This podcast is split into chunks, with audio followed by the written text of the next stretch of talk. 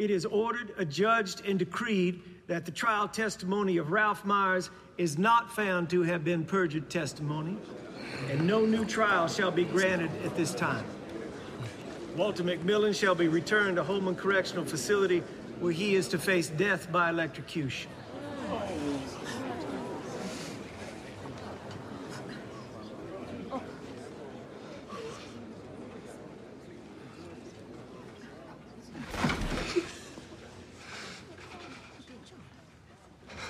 Do this to us again, Judge.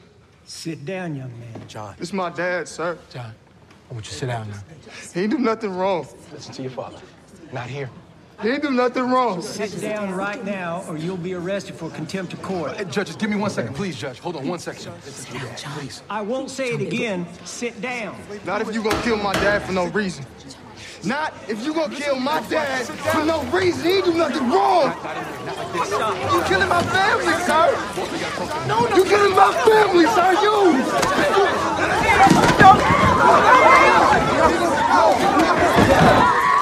When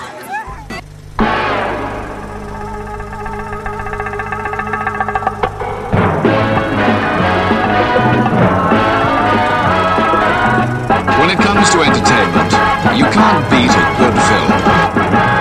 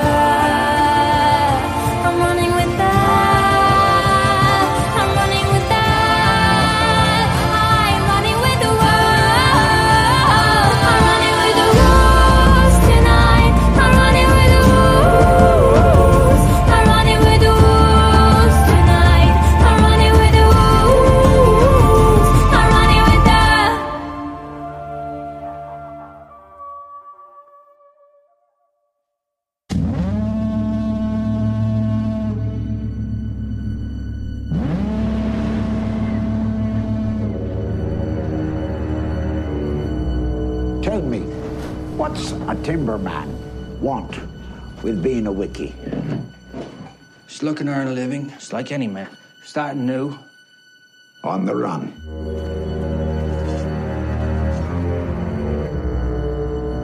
Keeping secrets, are you? No, sir. Why'd you spill your beans?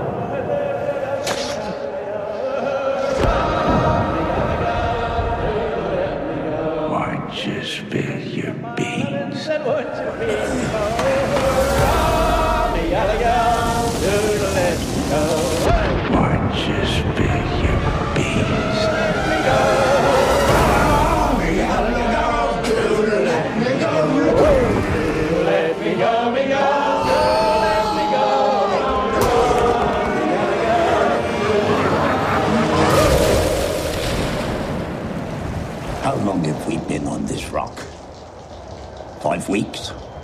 Two days? Help me to recollect.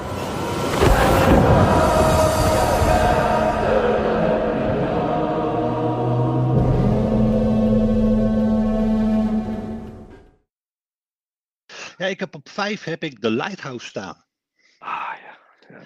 Een hele, eh, nou ja, hoe moet je het zeggen? Ja, dat is, het is een horrorfilm.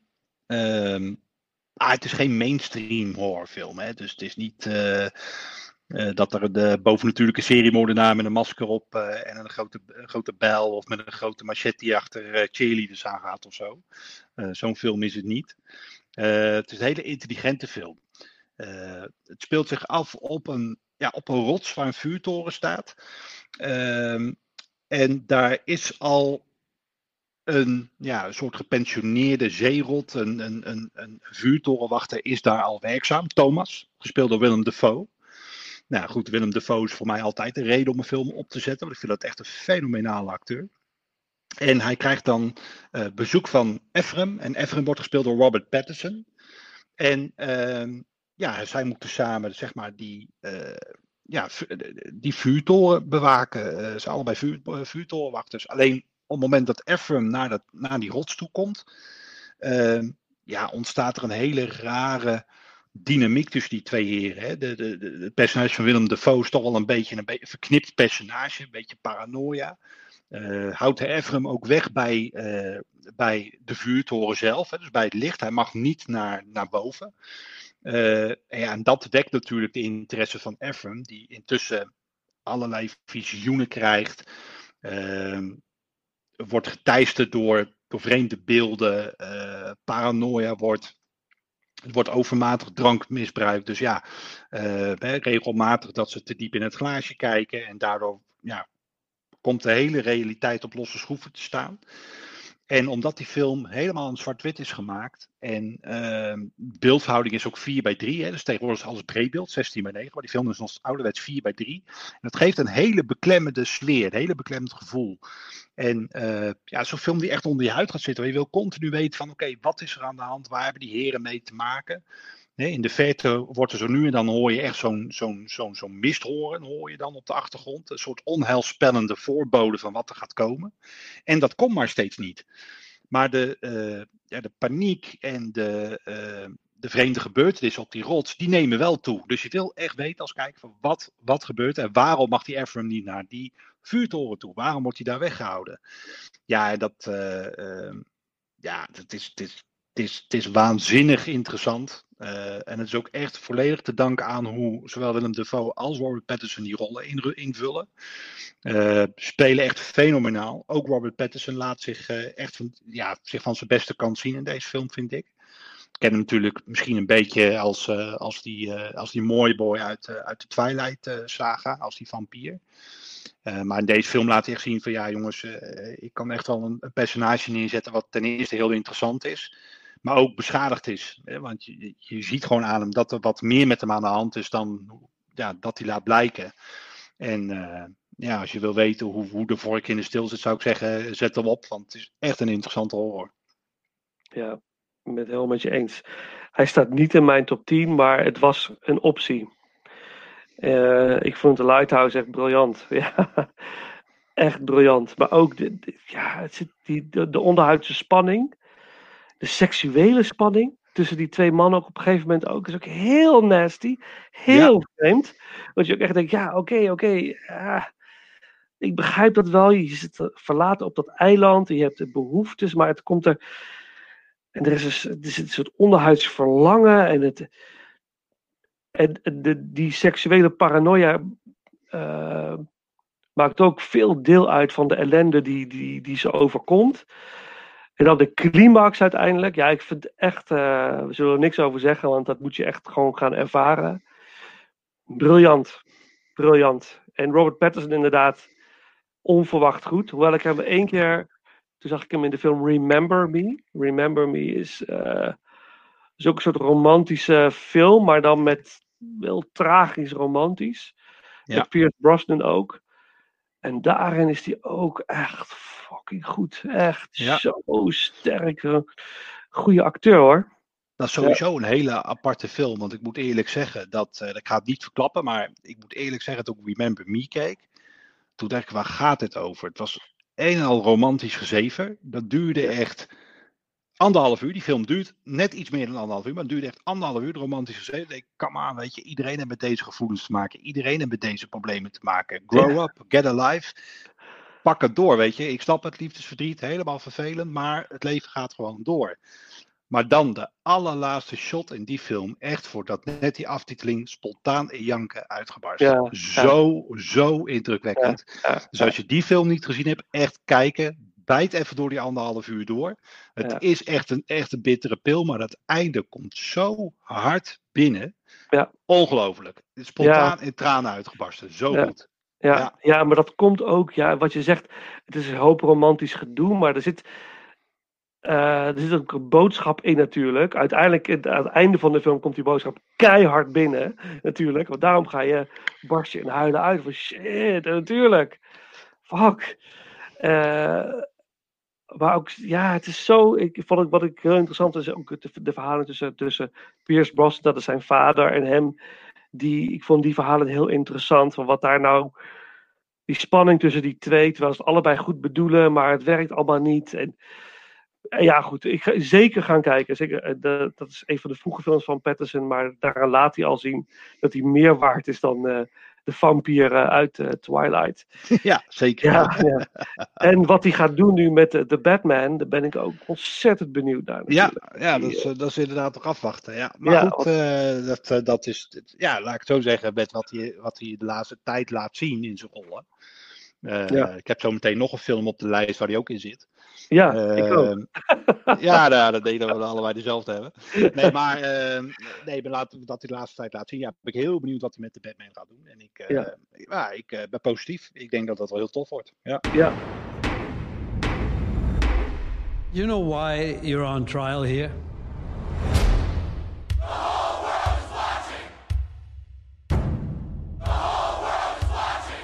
You all right? I was until I saw that.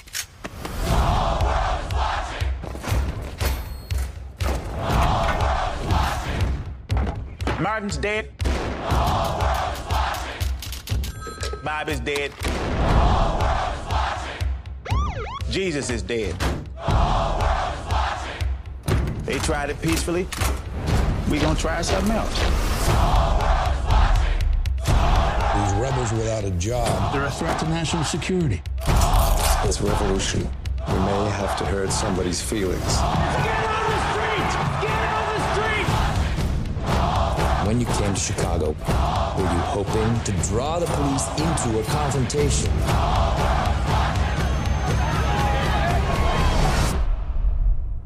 I'm concerned you have to think about it. Give me a moment, would you, friend? I've never been on trial for my thoughts before.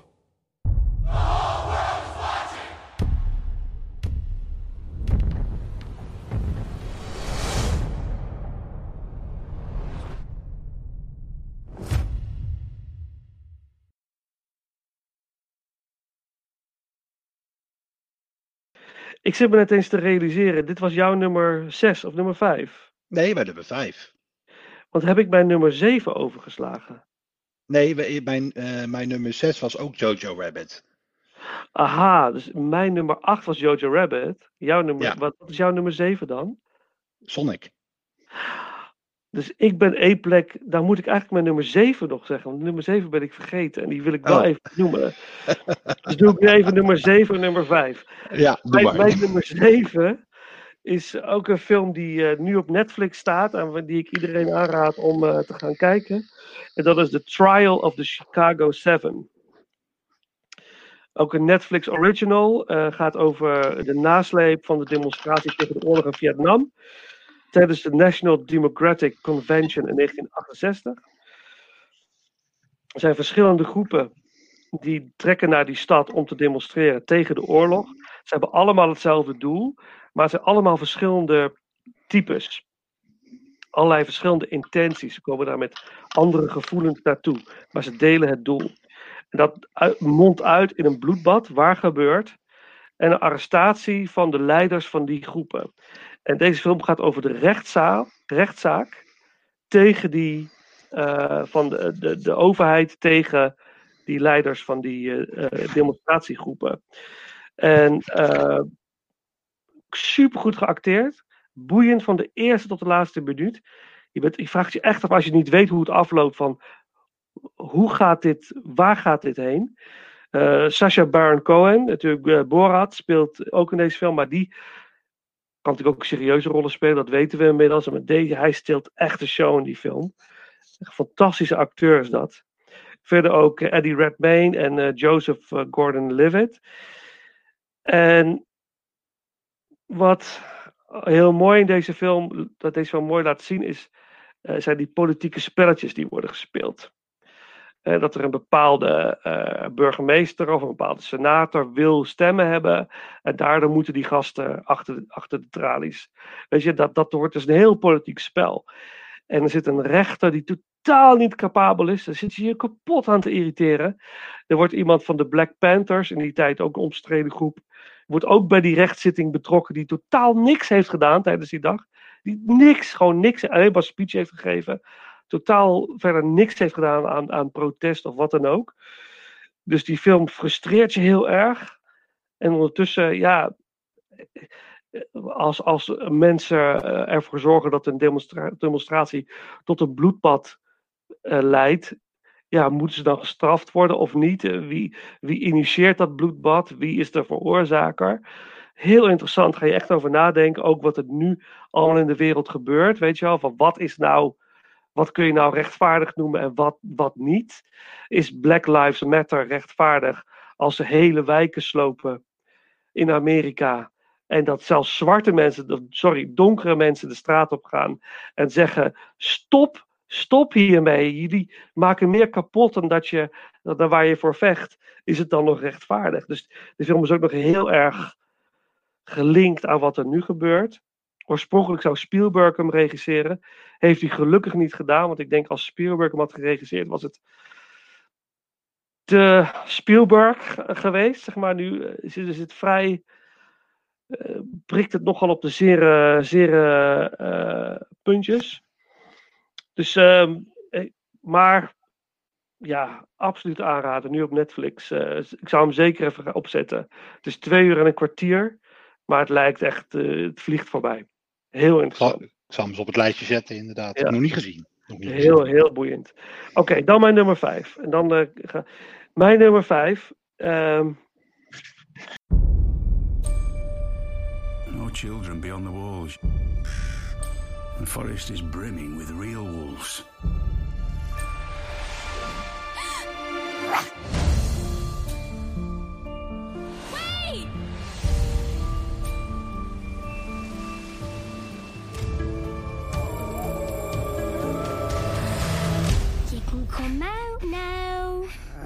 You're you're a uh. wolf walker. I met a girl in the forest who has magic powers. When she sleeps, she turns into a wolf. She's a wolf walker. Something's happened to me. Be a wolf.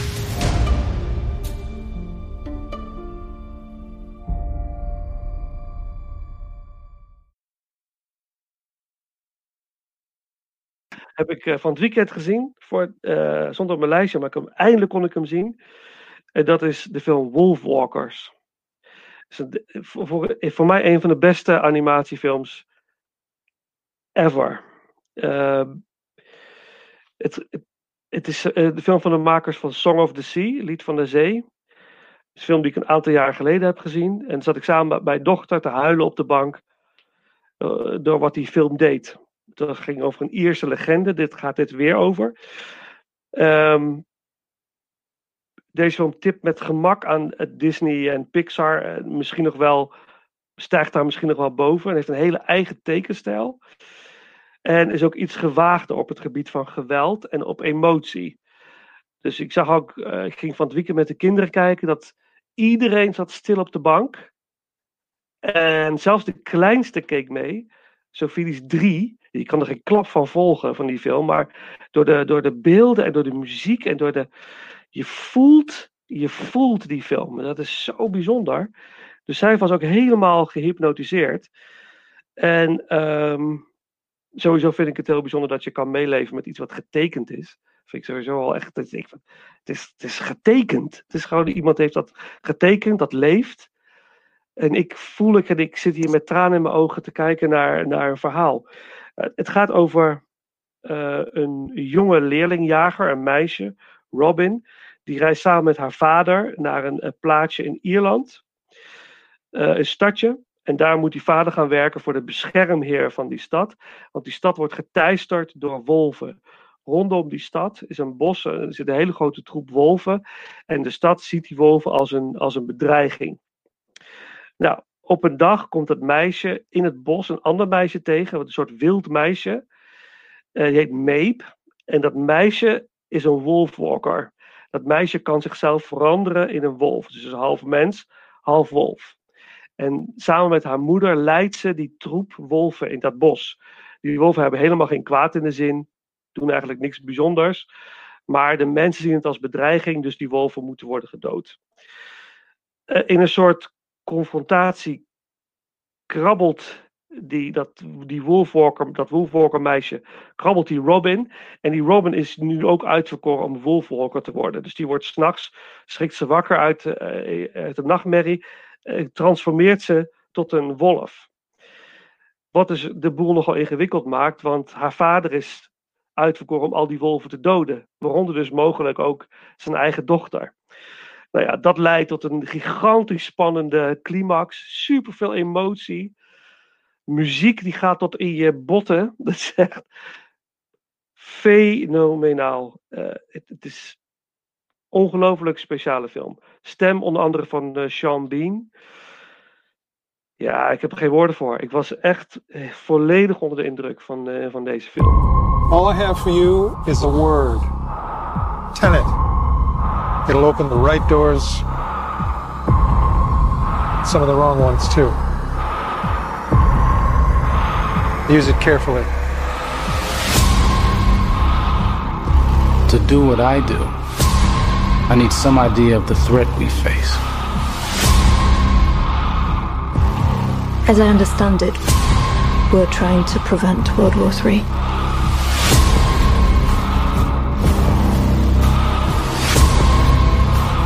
I'm not saying Armageddon here. No. Something worse. What happened here? Hasn't happened yet.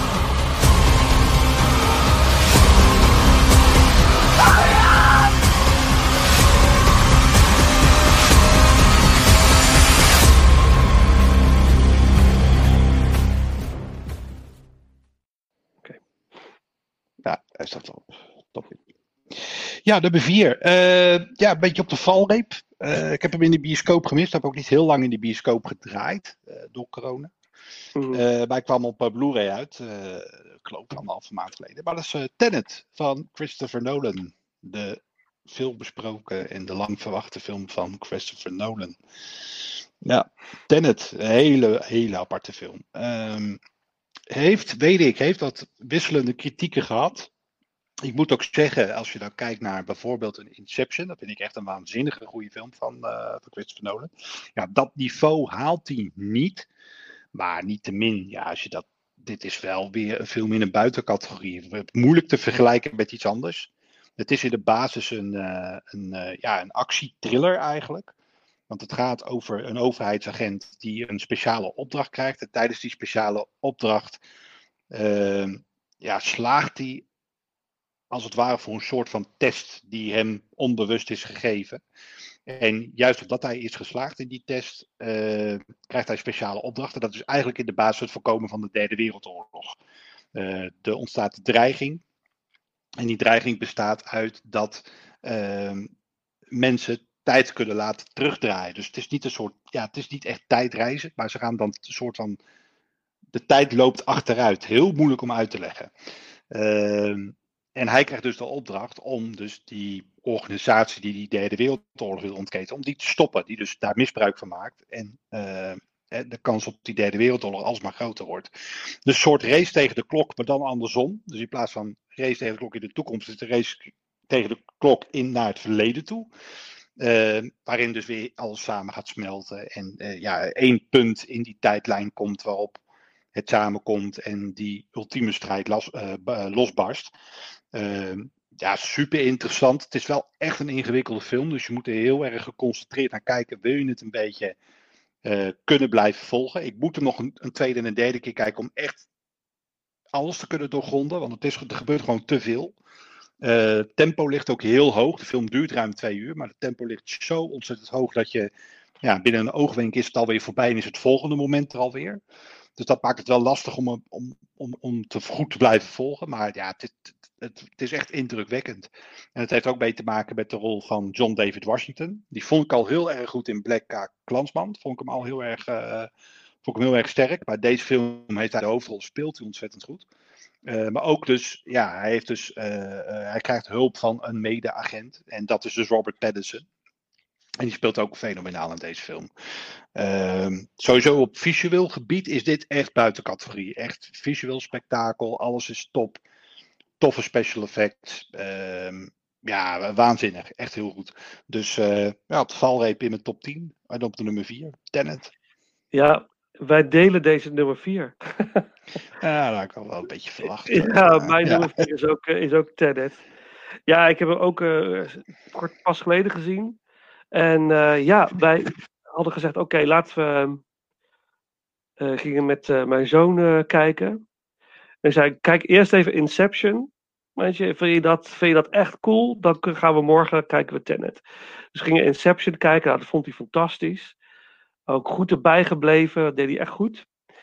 En uh, echt, uh, natuurlijk weer van genieten. Inception is natuurlijk inderdaad fantastisch. En toen de dag daarna Tenet. Nou, ik was gelijk hooked vanaf het eerste moment aan Tenet. Ik dacht, dit, dit vind ik fantastisch. Dit, dit, dit is voor mij, dit, ik hou hiervan. Weet je, dat, dat, uh, dat bizarre, inderdaad, dat bizarre tijdreizen op een bizarre manier. Uh, en ik durf te zeggen, maar dat is mijn, dat is natuurlijk, een mening is altijd persoonlijk. En dus dat uh, is iets van mij persoonlijk. Ik geef de voorkeur aan Tenet boven Inception. Ik vind Inception mega goed. Maar van Tenet heb ik zo verschrikkelijk genoten. Vooral inderdaad wat je zegt, dat continu gebeurt er wat. Continu denk je van, wat, hoe zit dit? Wat gebeurt er nu? Hoe, wanneer krijg ik dit uitgelegd? En inderdaad met, met in je achterhoofd houdende van, ja, het is een hele ingewikkelde film en het zoveel dingen. Dat is ook zo. Maar als je gewoon go with the flow kijkt, dan kun je de basislijn gewoon redelijk goed meekrijgen.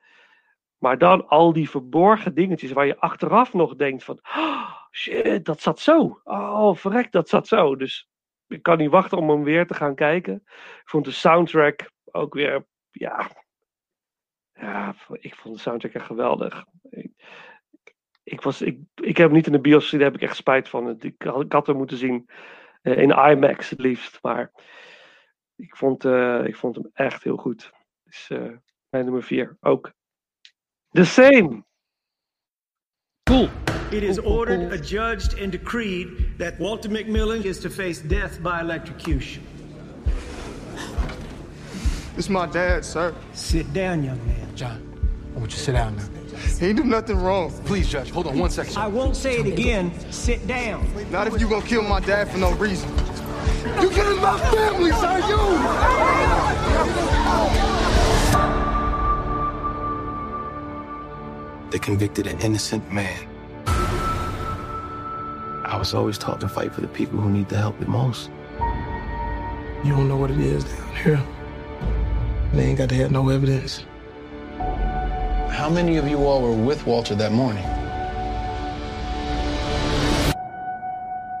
You ain't quitting, is you? No, sir. We all with you. Want my son growing up knowing his mom stopped doing what was right just because she was scared.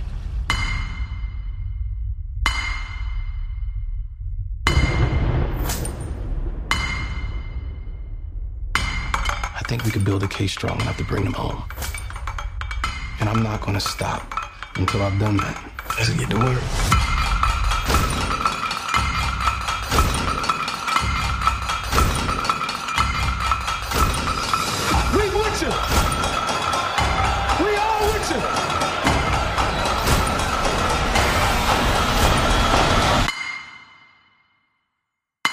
Life is still meaningful. And I'm gonna do everything possible to keep them from taking it. Zeker. En nu, de Gaan top door 3. met nummer drie. Oeh, dat is altijd spannend. De top 3 alweer. Ja, op nummer 3 staat bij mij Just Mercy. Met Michael B. Jordan in de hoofdrol. En dat is een, eh, ja, een beetje een biopic is het. Eh, ik moet eerlijk zeggen, ik heb hem gekeken omdat hij op Blu-ray uitkwam. En toen kreeg ik hem opgestuurd. Ik dacht, nou, ik ga hem kijken.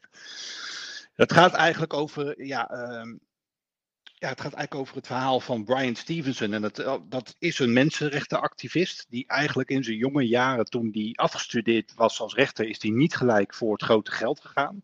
Maar hij heeft eigenlijk zijn diensten en zijn kennis beschikbaar gesteld om eh, ja, de minderheid te helpen. De minderheid die op basis van huidskleur al heel snel werden benadeeld, werden veroordeeld. Eh, en in Just Mercy eh, gaat hij eigenlijk eh, de hulp bieden aan een man die ten onrechte vastzit. Althans, dat, dat wordt gezegd. En hij gaat dus ehm, ja, Johnny D, Walter McMillian gaat hij helpen. En dat is een rol die gespeeld wordt door Jamie Foxx.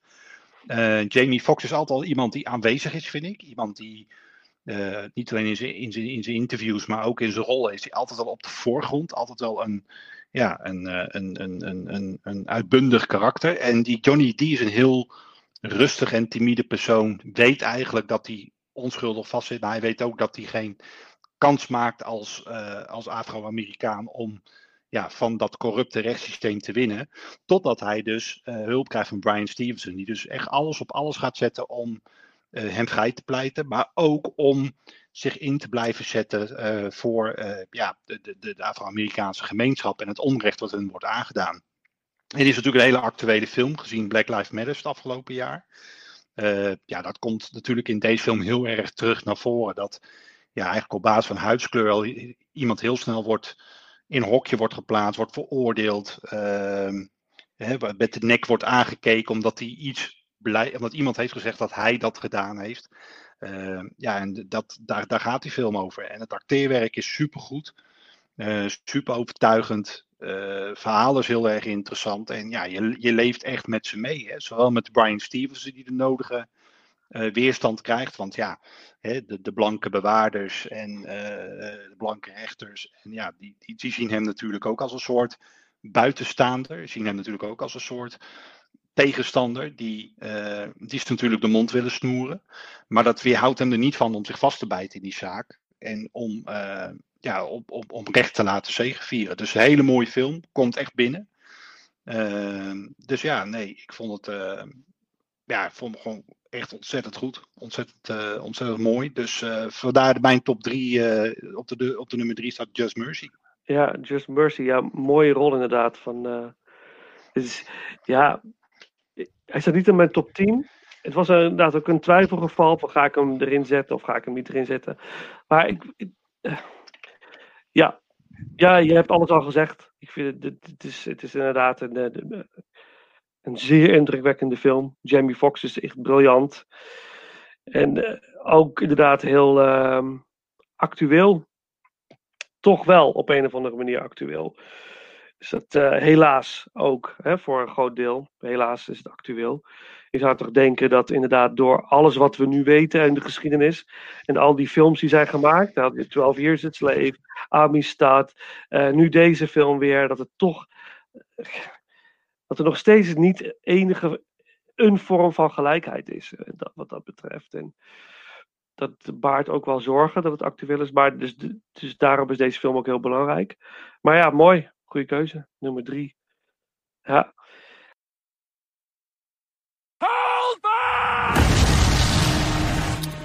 You have a brother in the 2nd Battalion. They're walking into a trap. Your orders are to deliver a message calling off tomorrow morning's attack. If you fail, we will lose 1,600 men. If we're not clever about this, no one will get to your brother. I will. Rated R. Maar ik, ik ga naar, eh, ook terug in de tijd met mijn eh, nummer drie. En dat is ehm, een van de meest indrukwekkende oorlogsfilms eh, ooit gemaakt, naar mijn idee. Door eh, eh, niemand minder dan eh, Sam Mendes. En dat is de film 1917. Dat speelt zich af in de Eerste Wereldoorlog. De Tweede Wereldoorlog was afschuwelijk met alle slachtoffers, maar volgens mij was de Eerste Wereldoorlog de meest gore, brute, smerige oorlog eh, die er is geweest. Eén van de, maar dit is toch wel, als je deze film ziet, waar deze jongens in moesten leven, de loopgravenoorlog, hè, het is echt afschuwelijk. Deze film lijkt in één shot te zijn opgenomen. Dat is ongekend eigenlijk. Hoe ze dat hebben, hoe ze dat hebben gedaan is mij een raadsel, maar dat, is fenomenaal gedaan. Het gaat eigenlijk, het is een heel simpel verhaal. Eén jonge soldaat eh, krijgt de opdracht om een boodschap over te brengen naar de linie aan de andere kant van een gebied. Want op het, daar staan ze op het punt om eh, de Duitsers daar te overvallen. En eh, omdat ze het idee hebben dat de Duitsers zich overgeven of zich terugtrekken. Dat is een fout, blijkt. En die boodschap moet zo snel mogelijk worden overgebracht om te voorkomen dat er een bloedbad ontstaat. Want de Duitsers gaan wel degelijk terugvechten. Nou, één jongen krijgt die opdracht, hij moet een partner uitzoeken en zij moeten dus door vijandig gebied met z'n tweeën om die boodschap over te brengen. Dat is in basis het verhaal. Maar wat er dan allemaal gebeurt en waar ze doorheen moeten is ongekend bruut, eh, heftig. Eh, en omdat de film in één shot is opgenomen, maak je het gelijktijdig mee, lijkt het. Je, je loopt mee met die jongens op weg naar dat doel. En je gaat ervaren wat zij ervaren onderweg. En er zit een soort, de, de score, de muziek is een soort baslijn. Die eigenlijk door de hele film heen zindert. Er zitten natuurlijk ook wel andere eh, facetten in de score, maar die baslijn die blijft soort van continu bijna aanwezig. En dat geeft je een gevoel van, van een hele, hele nare spanning, maar je bent gefocust en gefixeerd op dat scherm. Ja, dit is echt een meesterlijk filmmaker wat hier is gedaan. Ik vond deze film buitengewoon goed. Voor mij stijgt hij boven eh, een Saving Private Ryan en boven een Schindler's List uit. Gewoon om dit, het realistische gevoel wat die film je geeft. Eh, ongekend. Er zit een scène in dat moet, een van die gasten moet zwemmen. Hij ontsnapt ergens en hij komt in een soort stroomversnelling en dan spoelt hij ergens aan en dan moet hij over lijken heen klimmen naar de kant. En dan zit je te kijken en dan denk je van, wat, dit zou je meemaken. Dit kun je nooit meer, hier kun je nooit meer van herstellen, van wat jij meemaakt. Het is psychisch onmogelijk om hier, om dit ooit nog te verwerken. Het is, en dan, ja, briljant.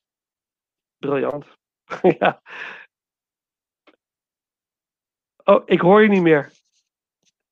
Nee, ik heb hem nog niet gezien, dus uh, hij, staat nog op mijn, uh, hij staat nog op mijn lijstje. Ja. Maar ja, uh, nee, hij klinkt veelbelovend, dus ik ga hem snel kijken. Ja, ja gaan kijken. En vooral ook de, de, de, een van de laatste scènes.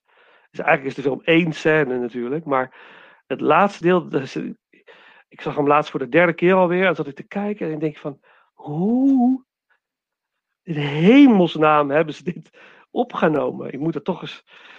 Ik heb nog geen making-of gezien of iets daarvan, maar hoe hebben ze dit gedaan? Het is ongekend knap. Dus ongetwijfeld mijn nummer 3, nee, eh, 1917. Nummer 2. Pixar invites you to a magical world that's lost its magic. Did you know centaurs could run 70 miles an hour? I own a vehicle. Don't need to ride. But on March 6th, Come, dear brother. We're going on a quest. two brothers Unicorns! will bring the magic back. Oh no. What happened? Looks like you shrunk me. Onward. Ah, what is happening? I think the spell is wearing off. PG. Nummer twee alweer. Ja, dat is een, eh, dat is een Disney Pixar, maar niet Sol. Oeh. het is Onward. Oeh. Onward. eh, En ik moet eerlijk zeggen, dat heeft mijzelf enorm verrast. Want toen ik de eerste trailer zag van Onward, dacht ik, come on, dit is wel een beetje Lord of the Rings, Game of Thrones, achtige rip-off. Een beetje van die blauwe elfjes erin. Het zal allemaal wel. Maar hij is gewoon ontzettend goed, ontzettend leuk. Animaties zijn heel erg goed. Eh, en daar kijk ik toch altijd wel naar, hè, of die animaties van eh, eh, ja, wel, wel goed zijn. Nu vind ik de afgelopen jaren heeft Disney Pixar echt wel wisselende kwaliteit gebracht. Hè? Dus je zag vaak dat bijvoorbeeld in het jaar van Inside Out als Inside Out echt een fantastische film. Echt goed over nagedacht, mooi geanimeerd. Maar The Good Dinosaur, die daar net voor of net daarna uitkwam, ja, die, die, die, die kwam op alle vlakken net iets te kort. Hè? Dus animaties waren niet altijd even overtuigend, maar ook het verhaal was niet even sterk. Eh, dus ja, de, kwaliteit is nogal wisselend geweest. Maar met Onward hebben ze echt ja, flink uitgepakt. En ehm, het is eigenlijk heel grappig. Het speelt zich af dus in een magische wereld waar elfen leven en eh, goblets en andere, andere mythische wezens. Alleen het is het hedendaagse leven, dus de magie is volledig verdwenen. Eh, het licht wordt niet meer met de toverstaf eh, aangewakkerd, maar gewoon met de lichtknopje op de muur. Eh, ze rijden rond in auto's. eh, en niet meer, ze vliegen niet meer rond op bezemsteden. Nou, dat soort dingetjes. En eh, wat gebeurt er dan in het verhaal? Is dat er dus een, eh, een 16-jarige elf, de Ian Lightfoot heet hij. Dat is de stem wordt ingesproken door Tom Holland, door Spider-Man. Die krijgt een speciaal verjaardagscadeau op zijn 16e verjaardag. En waarmee hij dus ja, weer kan toveren. Hij krijgt, dus, hij krijgt een toverstaf en een spreuk. En met die spreuk kan hij voor één dag zijn vader terughalen. Die is inmiddels overleden. En met die spreuk kan hij hem dus terughalen voor één dag. En dat lukt maar half. Dus wat gebeurt er? Hij tovert alleen de benen van zijn vader terug. Nou, om dus die toverspreuk te voltooien, moet hij samen met zijn oudere broer een heel avontuur trotseren. Om dus eh, die spreuk te kunnen voltooien en alsnog zijn vader in zijn geheel een dag te kunnen terugtoveren. ja, dat is natuurlijk gewoon een doldwaas avontuur. Er gaat van alles fout, uitdagingen. Het gaat over broederliefde. Want ja, het ene moment kunnen ze hè, eh, helpen ze elkaar en, eh, en, en gaan ze het voor elkaar door het vuur. En het andere moment kunnen ze elkaar wel de hersens inslaan. Eh, maar ook het hele principe over dat ja, zo'n zo, jonge, jonge knul eigenlijk zijn vader mist en alles aan doet om hem terug te halen, is echt hartverwarmend. Dus eh, het heeft mij echt enorm verrast. Ik had het niet verwacht, maar het is echt een hele leuke film. Er zit ook heel veel humor in. Dus, dus nee, voor mij is Onward de nummer twee van, van het afgelopen jaar. Wauw, dat is wel een verrassing. Ja, ik ben die film steeds aan het uitstellen. Omdat ik inderdaad denk van ja, ik weet het niet hoor. Of het wel, eh, of het wel gaat bekoren. Maar als ik dit zo hoor, dan eh, ja, dat moet wel. Dat moet ik wel gaan zien. Ja, nee, het is echt een, eh, echt, echt een verrassing gebleken. Ja. Ik had niet verwacht. Ik even, nou ja, kijk hem wel, want het is Disney Pixar. Dus je voelt je soort van, ja, min of meer verplicht om hem toch een kans te geven, omdat je de rest ook zo leuk vindt. Eh, Mhm. terwijl, nou ja, de Incredibles 2 viel tegen. Ik vond Coco tegenvallen. Good Dinosaur viel tegen. Ja, Toy Story 4 was daarna weer heel erg goed. Dus ja, ik toch een kans geven en geen spijt van hem. Echt een topper. Oké, nou dan eh, bij deze. Die ga ik ook kijken. Dus hier een hele lijst. die, die voorbij moet Dat is altijd grappig. Nou, je, je, je, je, gaat altijd weg met meer filmpjes in je moet kijken dan die ja. je gezien. Dat is altijd leuk. Ja. ja, maar dat is wel goed. Dat vind ik wel leuk. Dat, is juist ook de bedoeling, denk ik, van wat we doen. Ook voor mensen die luisteren. Dus dat uh, ben ik heel benieuwd wat de, wat de top 10's van andere mensen zijn, wat daar dan weer uit voortkomt. Ja, zeker. Ja. And the BAFTA is awarded to For Sama.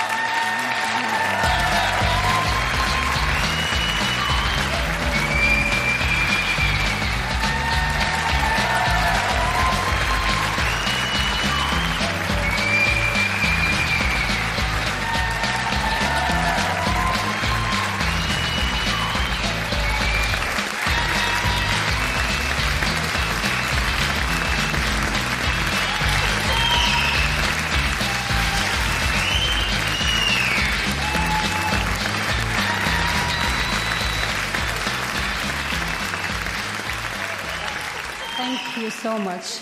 First, uh, thank you for and congratulations for all the other nominees, which after now almost one year of releasing the film, we became also friends. Uh, I don't know. Uh, sorry, again. Uh, the film was. we should have been here in one moment. In 2016, three years ago, we were in Aleppo. We were in a basement of a field hospital. Hamza, me, and Sama, and Afra. And we, we heard and we were hearing the, the, sh- uh, the shelling and the bomb all the time around us. At one moment in 2016, when I was in contact with Channel 4 News, we even thought how where we should bury our footage because in case we didn't make it, this need to be saved. We did the film, and I'm so glad and I'm so honored I'm standing here. Thank you so much for BAFTA for recognizing the film in so many other categories. And as we're speaking now, the situation in Syria is still so bad. As we're speaking, there's a bombing and shelling on, on over 3.5 million civilians. These people there in Idlib, they should hear your voice now. They should hear that Britain, as a country, as a great country, will not let that happen again. I know it's so hard, but this award, I will dedicate it for the great Syrian people who are still suffering until today, and the great heroes of doctors, nurses, civil defense, uh, so many other people, volunteers from Mulham team to Violet, to so many other people. Please, I will dedicate this award for them. Let them hear your voice. Thank you so much. Mijn nummer twee is een film die ik heel lang heb uitgesteld, maar om andere redenen. En nu toch gezien heb, vorige week, heb ik op een avond denk oké, voordat ik dit ga opnemen, moet ik deze film gezien hebben. Want eh, ik moet daar iets van vinden. Dus eh, wie weet zit hij in mijn top 10. En, eh, en het was een strijd tussen nummer 1 en 2. Maar dit is nummer 2. En nummer 2 is een documentaire geworden. En daar moet ik wel iets over vertellen. De documentaire heet For Sama. En het is denk ik wel de meest indrukwekkende, emotionele, heftigste documentaire die ik ooit heb gezien. Eh, En dat durf ik wel te zeggen, ja. Ja, zeker wel. Want ik heb zeker drie keer eh, gehuild. Ik heb hem zelfs één keer stopgezet dat ik echt zo niet meer kon stoppen. Dat ik echt dacht van, ik, oeh, ik, kan, ik weet niet of ik, of, ik, of ik dit nog verder kan kijken, of ik dit aan kan. Eh, er zit wel iets achter. Ik heb twee jaar lang eh, gewerkt met vluchtelingen. Ik heb die mensen gecoacht, getraind naar een eerste baan of een opleiding in Nederland. Eh, en in die tijd, vooral tijdens de coaching sessies, heb ik heel veel verhalen gehoord van mensen. Want we denken allemaal vaak heel makkelijk over vluchtelingen. Van ja, goed, je wees bij dat je hier bent, je krijgt een baan. Maar er zit soms zoveel, veel achter, waardoor je ook geblokkeerd wordt om nog iets te doen in je leven. Door wat je hebt meegemaakt. En eh, dus ik heb heel veel verhalen gehoord. En voor Sama gaat over een meisje in Aleppo, Syrië, die op een gegeven moment besluit te filmen wat er daar gebeurt. Ze in het kader van de wereld moet weten wat hier gebeurt. Want wat ik hier ga laten zien, zie je dus niet op het journaal. En dat blijkt. Eh, ze, reist nu ook de wereld over met die documentaire. En eh, ze wordt bijna bekende persoonlijkheid op, dit moment. Ehm, zij volgt en zodra op een gegeven moment raakt ze zwanger. En gaat ze de film documentaire echt maken voor haar dochter. Eh, van ik wil jou laten zien uit waar je vandaan komt. Maar ook waarom je moeder dit heeft gedaan en waarom je moeder je ook op een gegeven moment wegneemt, meeneemt uit dit land. En dus je ziet eigenlijk wat er in die stad gebeurt, in Aleppo, eh, onder het bewind van eh, Assad en eh, de gruwelijkheden die eh, daar plaatsvinden. Zij, haar, haar man is een arts en die alles op alles zet om mensen te helpen die slachtoffer zijn van bombardementen of wat dan ook. Dus allemaal geïmproviseerde ziekenhuizen bouwt hij steeds. Dan wordt zo'n ziekenhuis weer gebombardeerd. Gaat hij weer ergens anders iets opbouwen met mensen. Allemaal geïmproviseerd, maar ze doen wat voor de mensen. En wat je dan allemaal voorbij ziet komen is zo verschrikkelijk heftig. Maar ik zag eigenlijk de verhalen die ik hoorde, die zag ik eigenlijk voor me, op mijn netvlies, zag ik voor me gebeuren. Weet je, eh, twee eh, broertjes die hun kleine broertje binnenbrengen in het ziekenhuis. Broertje wordt gereanimeerd, maar broertje, ja, sorry, maar het, leeft niet meer. En dan het, wat de gezichten van die kinderen zien van, net was ik nog met hem aan het spelen en nu ben ik mijn broertje kwijt. En dat er een man in een ziekenhuis ook zegt van, jongens, wat, wat kinderen hebben niks te maken met het conflict. Wat kunnen kinderen eraan doen? Weet je, dat soort dingen komen naar boven. Een reanimatie van een baby is een van de meest heftigste dingen die ik ooit op het scherm heb gezien. Het, eh, echt on, maar echte documentaire waarvan ik vind dat iedereen moet kijken. Want dit is ook de wereld waarin we leven. Dit doen mensen elkaar dus aan. En, en, eh, en vooral de mensen die veilig in hun kantoren, in hun eh, goed beveiligde gebouwen zitten en, maar bepalen van daar ga jij naartoe met die bom, jij gaat op die school, jij gaat op dat ziekenhuis. En gewoon compleet levens helemaal verwoesten. Mensen die gelukkig leven, die net als jij en ik gewoon een normaal gezinsleven willen leiden, die gewoon uit elkaar worden gescheurd door, door eh, de psychopathische gedachten van een of andere eh, leider. Dus voor Sama is voor, eh, voor mij, ja, ik denk dat ik hem voorlopig niet meer ga kijken. Maar ga hem zien als je er klaar voor bent. Als je ervoor wil gaan zitten, is dit een eye-opener voor, voor heel veel mensen, denk ik. Dus, eh, hij zal vast op tv komen, ook in het, eh, in het nieuwe jaar. Maar, eh, dus eh, mijn absolute nummer twee voor Sama. Ik hoor je niet. Ja, cool, interessant, maar eh, ik heb het niet gezien. Dus ik moet, Nee. nog, eh, moet hem op een lijstje zetten. Ja, Ik, ja, zeggen dat ik, docu- ik kijk niet heel veel documentaires, moet ik zeggen. Dus eh daar moet ik inderdaad wel even een keer zin in hebben of tijd voor hebben. Ja, ja, misschien als het ooit een keer ter sprake komt, of je denkt, hey, dat is toch wel, ik wil er toch wat meer over weten. Laat deze film echt heel goed zien eh, wat, het, wat het is geweest daar. Op dit moment is het wat rustiger, maar het, eh, de chaos die daar heeft geregeerd is ongekend. Ongekend. I just want to get back to my body and get back to the club. I don't know. It's the sun. It's just so. Come back here! You open this. Um, 22. Don't you walk away from me. Come here right now. I'm gonna go in and I'm gonna scratch up the sofa. Wait, wait a minute. That's my sofa. Ja. Maar nu, nummer 1. De nummer 1. Oh, ik Ja. weet het eigenlijk al. Maar je Ja, ja. On- ondanks geen, eh, geen nieuwe Marvel films, geen nieuwe Star Wars films, eh, geen James Bond. Maar eh, ja, een film die ik op de valreep eh, ja, eigenlijk stiekem pas dit jaar heb gekeken. Hij staat niet in mijn top 10 van filmliefhebber. Mhm. Eh, maar ik heb één film vervangen hiervoor en dat is Soul.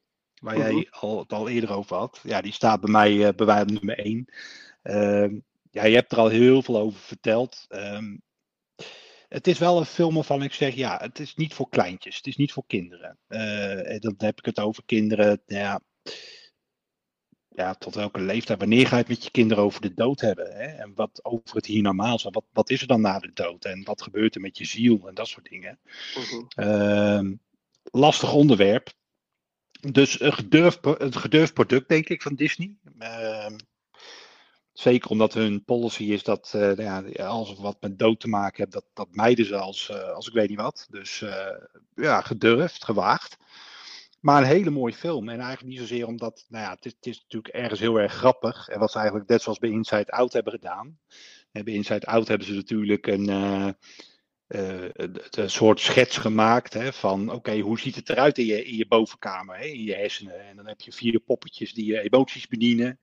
En uh, je, je, herinneringen worden opgeslagen in kristallen ballen en in een archief. En daar is natuurlijk heel erg uh, goed over nagedacht. En dat hebben ze in Sol net zo gedaan. Hè? Dus je hebt dan het hiernamaals. Het is dus een grote ja, soort roltrap naar het, het licht toe. En dan zal je uiteindelijk ontvangen worden door het onbekende. of je komt in het hier voor, voormaals terecht. En dat gebeurt dus met die muziekleraar, met die Joe. Want die wil natuurlijk nog niet uh, definitief afscheid nemen. Dus die komt in een soort tussenwereld terecht. Mm-hmm. Ja, het is een soort. Ja, hoe moet je zeggen? Het is een soort. Uh, uh, soort kamp is het. waar nieuwe zielen worden klaargestoomd om naar de aarde te gaan en een lichaam te bezitten. En Joe krijgt daar dus ja, de kans om als mentor van een van die zielen op te treden. En ehm, hij slaagt er dus uiteindelijk in om samen met die ziel. Hij krijgt een van de zwaarste opdrachten om een van de oudste zielen die daar is, om die klaar te stomen voor de aarde. En ze belanden dus allebei op de aarde, maar dan belandt die ziel die Joe moet opleiden in het lichaam van Joe. En Joe belandt in het lichaam van een kat. En dat was al super grappig. Dat je denkt van oké, en nu? Dus nu moet Joe met een andere ziel en die kat moeten dus samen ervoor zorgen dat Joe terug kan keren naar zijn lichaam. En in de essentie waar de film over gaat, is van dat je eigenlijk van iedere seconde van het leven moet genieten. Het leven is te kort om aan je voorbij te laten gaan. Om je zorgen te maken om de problemen die, die er zijn. Om de uitdagingen die er zijn. Je moet genieten van elke minuut die je hebt. Uh, en dat vond ik heel erg mooi. Het is ook echt een film die binnenkomt, ondanks dat het uh, ook mooi getekend is. Het is heel mooi geanimeerd. Het is, uh, er zitten leuke liedjes in. Wat je net al zei, het, het, het, het stemacteerwerk is echt voortreffelijk. Echt ontzettend goed. Is Jamie Foxx, maar ook Tina Fey. Ja. Natuurlijk uh, ja. komiek, hè? die doet natuurlijk Saturday Night Live. Maar ook uh, Turkey Rock heeft natuurlijk een grote rol in gespeeld. Of de hoofdrol eigenlijk. doet het ook superleuk als, als dus die, die Seal 22, die dus ja, maar niet naar de aarde wil. 22, ja, dat was de naam. 22, ja. En uh, ja, het is gewoon een hele mooie film. Hij komt echt binnen. Uh, maar ik denk wel, ik vind het wel een hele mooie film. En ik zou ook na afloop echt met vol verbazing nog te kijken. Ik wauw, wel heel mooi, heel tof gedaan, heel goed over nagedacht. Maar ik vind het wel een heel zwaar onderwerp voor kinderen, dat wel. Uh, dus daarom zeg ik ook, ja, ik weet niet of het een goede film is voor de allerkleinste. Maar eh, op het moment dat je kinderen vragen begint te stellen over de dood. En wat is er dan na de dood? En wat gebeurt er dan met mij? Is dit wel misschien een hele leuke film? Of nou leuk, maar een hele mooie film om dan op te zetten. Omdat het ja. toch wel een beetje een idee schetst van. Ja, het is wel heel vervelend als het gebeurt. Maar nou ja, er is ook wel meer. Er is nog meer na het leven dan, dan dit, zeg maar. Dus dat. Ja. Uh, ja, wel uh, echt, uh, echt van onder indruk geweest. Dus ja, voor mij ja, op de valreep toch op de eerste plek beland. Wat bijzonder dat je nummer 1 is. Ja, ik vond het, ja, vind ik wel heel gaaf. Ja, het bijzonder mooi. Ja, goede vraag ook van wanneer zijn kinderen daar klaar voor? Ik denk dat het heel verschillend is. Voor de allerkleinste is deze film sowieso niet geschikt, inderdaad, omdat het misschien niet, genoeg actie heeft of zo, of genoeg uh, van. Maar ik denk als een kind sowieso vanaf een jaar of vijf, zes iets met de dood te maken krijgt. Hè? Een opa die overlijdt of een dier desnoods. Hè? Dat, uh, dat deze film inderdaad wel mooi is, inderdaad, wat je zegt, om uh, gewoon eens te gaan kijken, om daarover te praten. Dan kan dit een mooie aanleiding zijn tot, uh, tot het gesprek. Want het is een heel lastig onderwerp, want niemand weet natuurlijk exact wat er gebeurt na de dood. Maar dit is wel een heel rustgevend, troostend gevoel als zoiets zou kunnen. Snap je? Dus ja. dat, is wel, dat is wel heel bijzonder. Ja, heel, ja, mooi. Inderdaad, de boodschap van geniet van het leven, van ieder moment, want ieder moment is kostbaar. En het kan zomaar in één keer afgelopen zijn. Dus dat, ehm, ja, super gaaf. Oké, eh, mijn nummer 1 is eh, een film die ik eigenlijk begin van 2020 eh, zag.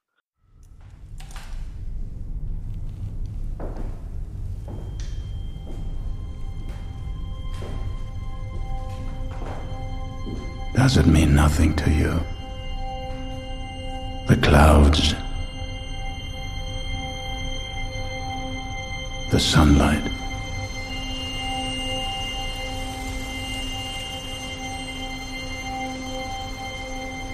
You remember what Achilles said? When Odysseus met him in the underworld? Odysseus told him that no man had been more blessed than he. Achilles said, Don't try to reconcile me to dying.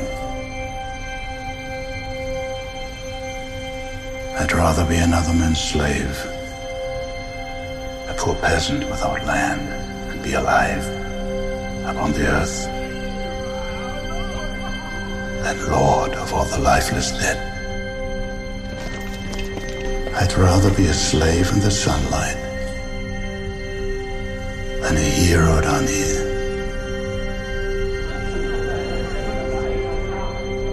Shadow. Shade.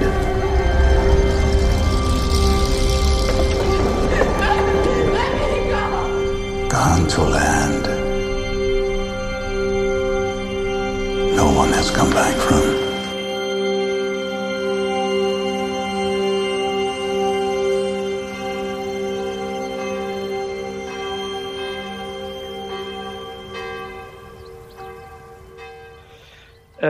Ik ben een groot liefhebber van Terrence Malick. Regisseur van Thin Red Line natuurlijk. En Tree of Life. En Badlands uit de jaren zeventig. Maar deze film... ja, het zijn de drie... De, bij top drie zijn eigenlijk alle drie oorlogsfilms. En de eerste film is de film A Hidden Life. Eh, in 2020 uitgekomen. Hidden Life is eh, een verhaal over een mm, boer in Oostenrijk, klein dorpje in Oostenrijk, tijdens de Tweede Wereldoorlog. Hij heeft daar een stuk land, hij woont met zijn gezin, is onderdeel van de gemeenschap, prima, niks aan de hand. De Tweede Wereldoorlog bre- breekt uit en eh, het regime van Hitler verwacht eigenlijk dat iedereen een soort document ondertekent dat ze achter het bewind van Hitler staan. Dus ze tekenen al eh, voor goedkeuring eigenlijk. En als ze dat doen, dan worden ze met rust gelaten, is er niks aan de hand, prima, iedereen gaat door met zijn leven. Zessa. Deze ene boer is niet eens met het regime van Hitler. Hij ziet dat het gewoon niet klopt, wat hij aan het doen is. Hij weigert dat document te ondertekenen. Hij wil zich daar niet achter scharen. Want hij, hij gelooft dat het niet klopt. Dat is zijn overtuiging. En achteraf weten dat hij natuurlijk gelijk had. Maar op dat moment, in, in die tijd, was het allemaal nog niet helemaal zeker voor iedereen. Vooral in, in die kleine gemeenschappen niet. Maar wat het mooie is, is dat hij blijft bij zijn principe. Hij zegt, ik teken niet. Ik, ik sta hier niet achter. Ik doe het niet. Hij blijft daarbij. En dan zie je dat langzaam die hele gemeenschap zich tegen hem keert. En dat hij wordt verstoten. En dat zijn gezin wordt verstoten. En dat hij eigenlijk langzaam alles aan het verliezen is. En zelfs op een gegeven moment gearresteerd wordt. Onder druk wordt gezet. Ook in, in, de, in de gevangenis van onderteken het nou, onderteken het. En er is niks aan de hand. Onderteken het en je bent vrij om te gaan. Je kan doen wat je wil. Alleen maar je handtekening. Maar ja, wat zijn je principes dan nog waard? En dat gaat, onderzoekt die film. En eh, ik was naar die film, ik heb een half uur gewoon eh, voor me uit zitten staren van, wat the fuck is, wat was dit? Weet je, dat was zo, die, film is zo verschrikkelijk indrukwekkend. Zo mooi geacteerd. En ook weer heel actueel voor nu. Want je hebt inderdaad voorstanders eh, voor de maatregelen, tegenstanders van de maatregelen. Eh, Een hoop mensen worden gecensureerd op internet die het tegengeluid laten horen. Mensen die het niet eens zijn met het beleid van de overheid worden, ge- worden gecensureerd. Het wordt weggehaald. Dus het is ook nog heel actueel wat er in die film is gemaakt voordat eh, de hele coronacircus eh uitbrak. Dus het is, het, het, ja, je gaat heel erg bij jezelf nadenken van wat zou ik doen? Wat, wat zou ik doen als ik voor zo'n keuze zou worden gesteld? Zou ik bij mijn principes kunnen blijven? Of zou ik voor de veiligheid van mijn gezin toch maar die handtekening zetten? Maar eigenlijk een handtekening zetten onder iets waar ik totaal niet achter sta. Dus ja, ja, echt drie uur duurt die film, maar ik was drie uur lang gehypnotiseerd. En sowieso maakt Terrence Malick hele hypnotiserende beelden. Dus dat was al heel erg mooi, maar dan die, dat verhaal en al die onderliggende emoties en, en de spanningen en de. En dan die, die, die vraag die je bij jezelf steeds maar stelt: van wat zou ik doen, wat zou ik doen, wat zou ik doen? Ongekend goed. Hidden Life. Mijn nummer één. Cool. Ja, dat is Ja. een film die mij niet bekend is, maar eh, ik heb hem intussen alweer op het lijstje gezet. Ja, ja dit is wel. eh, het is wat anders. Het is een beetje heel anders dan bijvoorbeeld een 1917 of een Schindler's List. Of een, dus de sfeer is heel anders. Dus het gaat heel erg om, ja, om, om de mensen. En wat mensen elkaar dan weer gaan aandoen als één afwijkt van de groep. Eén wijkt af en de hele groep accepteert hem gelijk niet meer. Dus je, dat, is, dat is heel bizar. En ze proberen hem wel terug te trekken van doe het nou, dan hoor je er weer bij. En, snap je? En dat, ze kunnen niet accepteren dat hij iets anders kiest dan de rest. En dat ja, interessant gegeven vind ik dat. Dus ja. Cool. Ja, doe me een beetje denken aan, eh nou, niet, doe me niet een beetje denken, maar een beetje die stijl als Son of Soul. Want dat is ook zo'n oorlogsfilm die inderdaad gewoon eh, draait om één persoon. En eigenlijk eh, eh, ook ziet van, eh, het is het verhaal binnen het grote verhaal eigenlijk. Hè? Dus er is een Tweede Wereldoorlog gaande, een ellende. En daarin zie je hoe iemand struggelt met ja, de situatie en hoe hij met die situatie om probeert te gaan. En welke keuzes die moet maken om het te, te overleven, zeg maar. Ja. En dat, eh, dat gebeurde in Son of Soul ook heel erg. Dus dat, eh, dat, deed- dat doet me een beetje aan denken. eh, Ja, Son of verhaal. ja. Die heb ik twee keer moeten kijken. Trok het niet de eerste keer. Dat heb ik uit- uitgezet. Een heftige film ook wel. ja, dacht, ja. Dit, dit, op dat moment kon ik het, trok het niet. Maar misschien als ik dat. Ik heb hem twee keer gekeken. Maar bij Son of Soul vond ik het zo verschrikkelijk indrukwekkend. Dat op een gegeven moment zie je hem lopen. Het is speelt over een concentratiekamp. En eh, je ziet hem lopen door het kamp. En dan hoor je alles wat er gebeurt. Je hoort het, maar je ziet het niet. Snap je? Je ziet het uit zijn perspectief en dan, je weet, er gebeuren zulke verschrikkelijke dingen. Ja. Weet je wel? Eh, eh, Maar je ziet het niet en je, voelt dat het gebeurt. En dat is, Eh, het is alsof je op zijn schouder zit en meekijkt. Hè? Zo is die film ook geschoten, zeg maar. Dus je ziet heel veel over zijn schouder. Kijk je mee. Dus je wordt echt meegezogen in die situatie. En dat, ja. Dat, dat, dat komt binnen. Dat is gewoon Ja. zo. Dat, ja. Zo nog wel een aanrader. Het is wel een film uit 2015, maar het is nog wel een aanradertje voor als je die nog niet gezien hebt en een beetje liefhebber bent van nou, toch zwaar op de maag liggende dramafilms over Ja. de Tweede Wereldoorlog. Is dit ook echt wel een, eh, een aanradertje ook. Ja, absoluut, absoluut. Ja. Wauw, we zijn, we zijn weer rond, Paul. We zijn er weer. Dat was de top 10 van 2020. Ja, niet Ja. Eh, een, jaar, een ander jaar zoals elk ander jaar. Niet zoals elk ander jaar, moet ik zeggen. Maar eh, ja. toch weer geslaagd om weer 10 eh, pareltjes eh, te kiezen. Ja, toch wel, toch wel. En ik ben ook heel benieuwd naar, eh, naar luisteraars. dus Van wat, wat, wat jullie top 10 eh, is. En in hoeverre die overeenkomst met, overeenkomt met die van ons. Dus, ehm, en wat voor nieuwe, misschien nieuwe ideeën mensen hebben. Nog eh, om eh, toe te voegen aan onze lijstjes, die nu alweer eh langer geworden zijn door deze top 10. Maar, eh, ja, superleuk. Ik vond het onwijs leuk, Paul, om weer op te nemen samen. En we Ja, hadden zeker. natuurlijk voor de, voordat we begonnen met opnemen al een beetje over dat het misschien leuk was om een keer iets te doen met Star Trek. Omdat je die, de, ondanks de box had aangeschaft. En ja, laten we die eh, in de nabije toekomst ergens, in ieder geval in 2021, eh, gaan oppakken. Dat is natuurlijk wel onwijs leuk. Ik denk dat ook heel veel mensen dat ook heel leuk vinden om, eh, om naar te luisteren. Want Star Trek is natuurlijk wel een fenomeen. Ja. Erg leuk. Zeker, zeker voor de trekkies onder ons. De trekkies, ja, ja, ja. hè? Ja, de trekkies, ja. Al die conventies en zo. Met die, en, en mensen die dan op Klingon kunnen praten en dat soort. Eigenlijk zouden we dat een oproep moeten doen, hè? Voor, eh, dan voor die, eh, voor die aflevering. Dat we iemand uitnodigen voor een kwartier. Die er dan ons even vertaalt in Klingon of zo. Ja, dat, dat is wel leuk, ja. Iemand dat kan.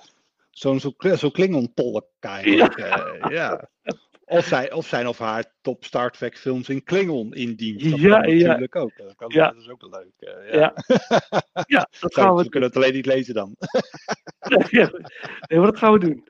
Nee, we gaan het, we gaan het, eh, dat, dat, ja, dat is wel leuk. Die gaan we in de nabije toekomst eh, gaan we die plannen. Lijkt me hartstikke leuk. Ik zal in ieder geval ehm, onthullen wat mijn idee is voor de volgende podcast. Is waar ik ook al een beetje mee bezig ben met voorbereiden. Ik had een, we hebben een heel mooi eh, boek gekregen. Ehm, en dat boek gaat over de, de King Kong films. Van de allereerste King Kong film tot en met de 2005 Peter Jackson versie. Allerlei leuke background eh, informatie en eh, alle featurefilms van Kong staan erin eh, beschreven. Super mooi. Dus ik denk, ik ga, hem, eh, ik ga de volgende podcast ga ik besteden aan King Kong. Rank, en dat noem ik dan Rank King Kong. dat leek me nou alweer grappig. Ranking Kong. ja, ja, toch? Dus dat, eh, dat, dat wordt de volgende. Dus eh, eh, voor mensen die luisteren, je mag al voor mij al gaan reageren van wat zijn jouw favoriete Kong-films en waarom. En eh, we horen ook graag jullie top 10's van 2020. En die eh, bespreken we dan in een volgende aflevering. Paul, heb jij nog iets te zeggen of iets eh, toe te voegen aan deze ronde? Nee, het was, was weer leuk. Dus binnenkort gewoon weer nog een keertje. Dus eh Ja, hartstikke ik leuk ook. om weer een keer, een keer over films te kletsen. Dat is altijd, altijd een leuke bezigheid. Dus ik vond het leuk. Vond het gezellig. Nou, ik ook, ik ook. Ik vond het heel leuk om weer, weer samen op te nemen. Nou, nabije toekomst weer. Nou, dan wil ik iedereen eh, bedanken voor het luisteren. En eh, ik zeg altijd aan het einde, ja, tot de volgende ronde. Tot de volgende keer. Yes. It's a wrap.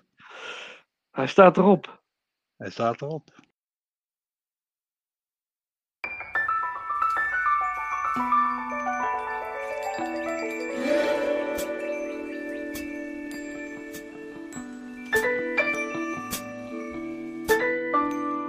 Say it's alright.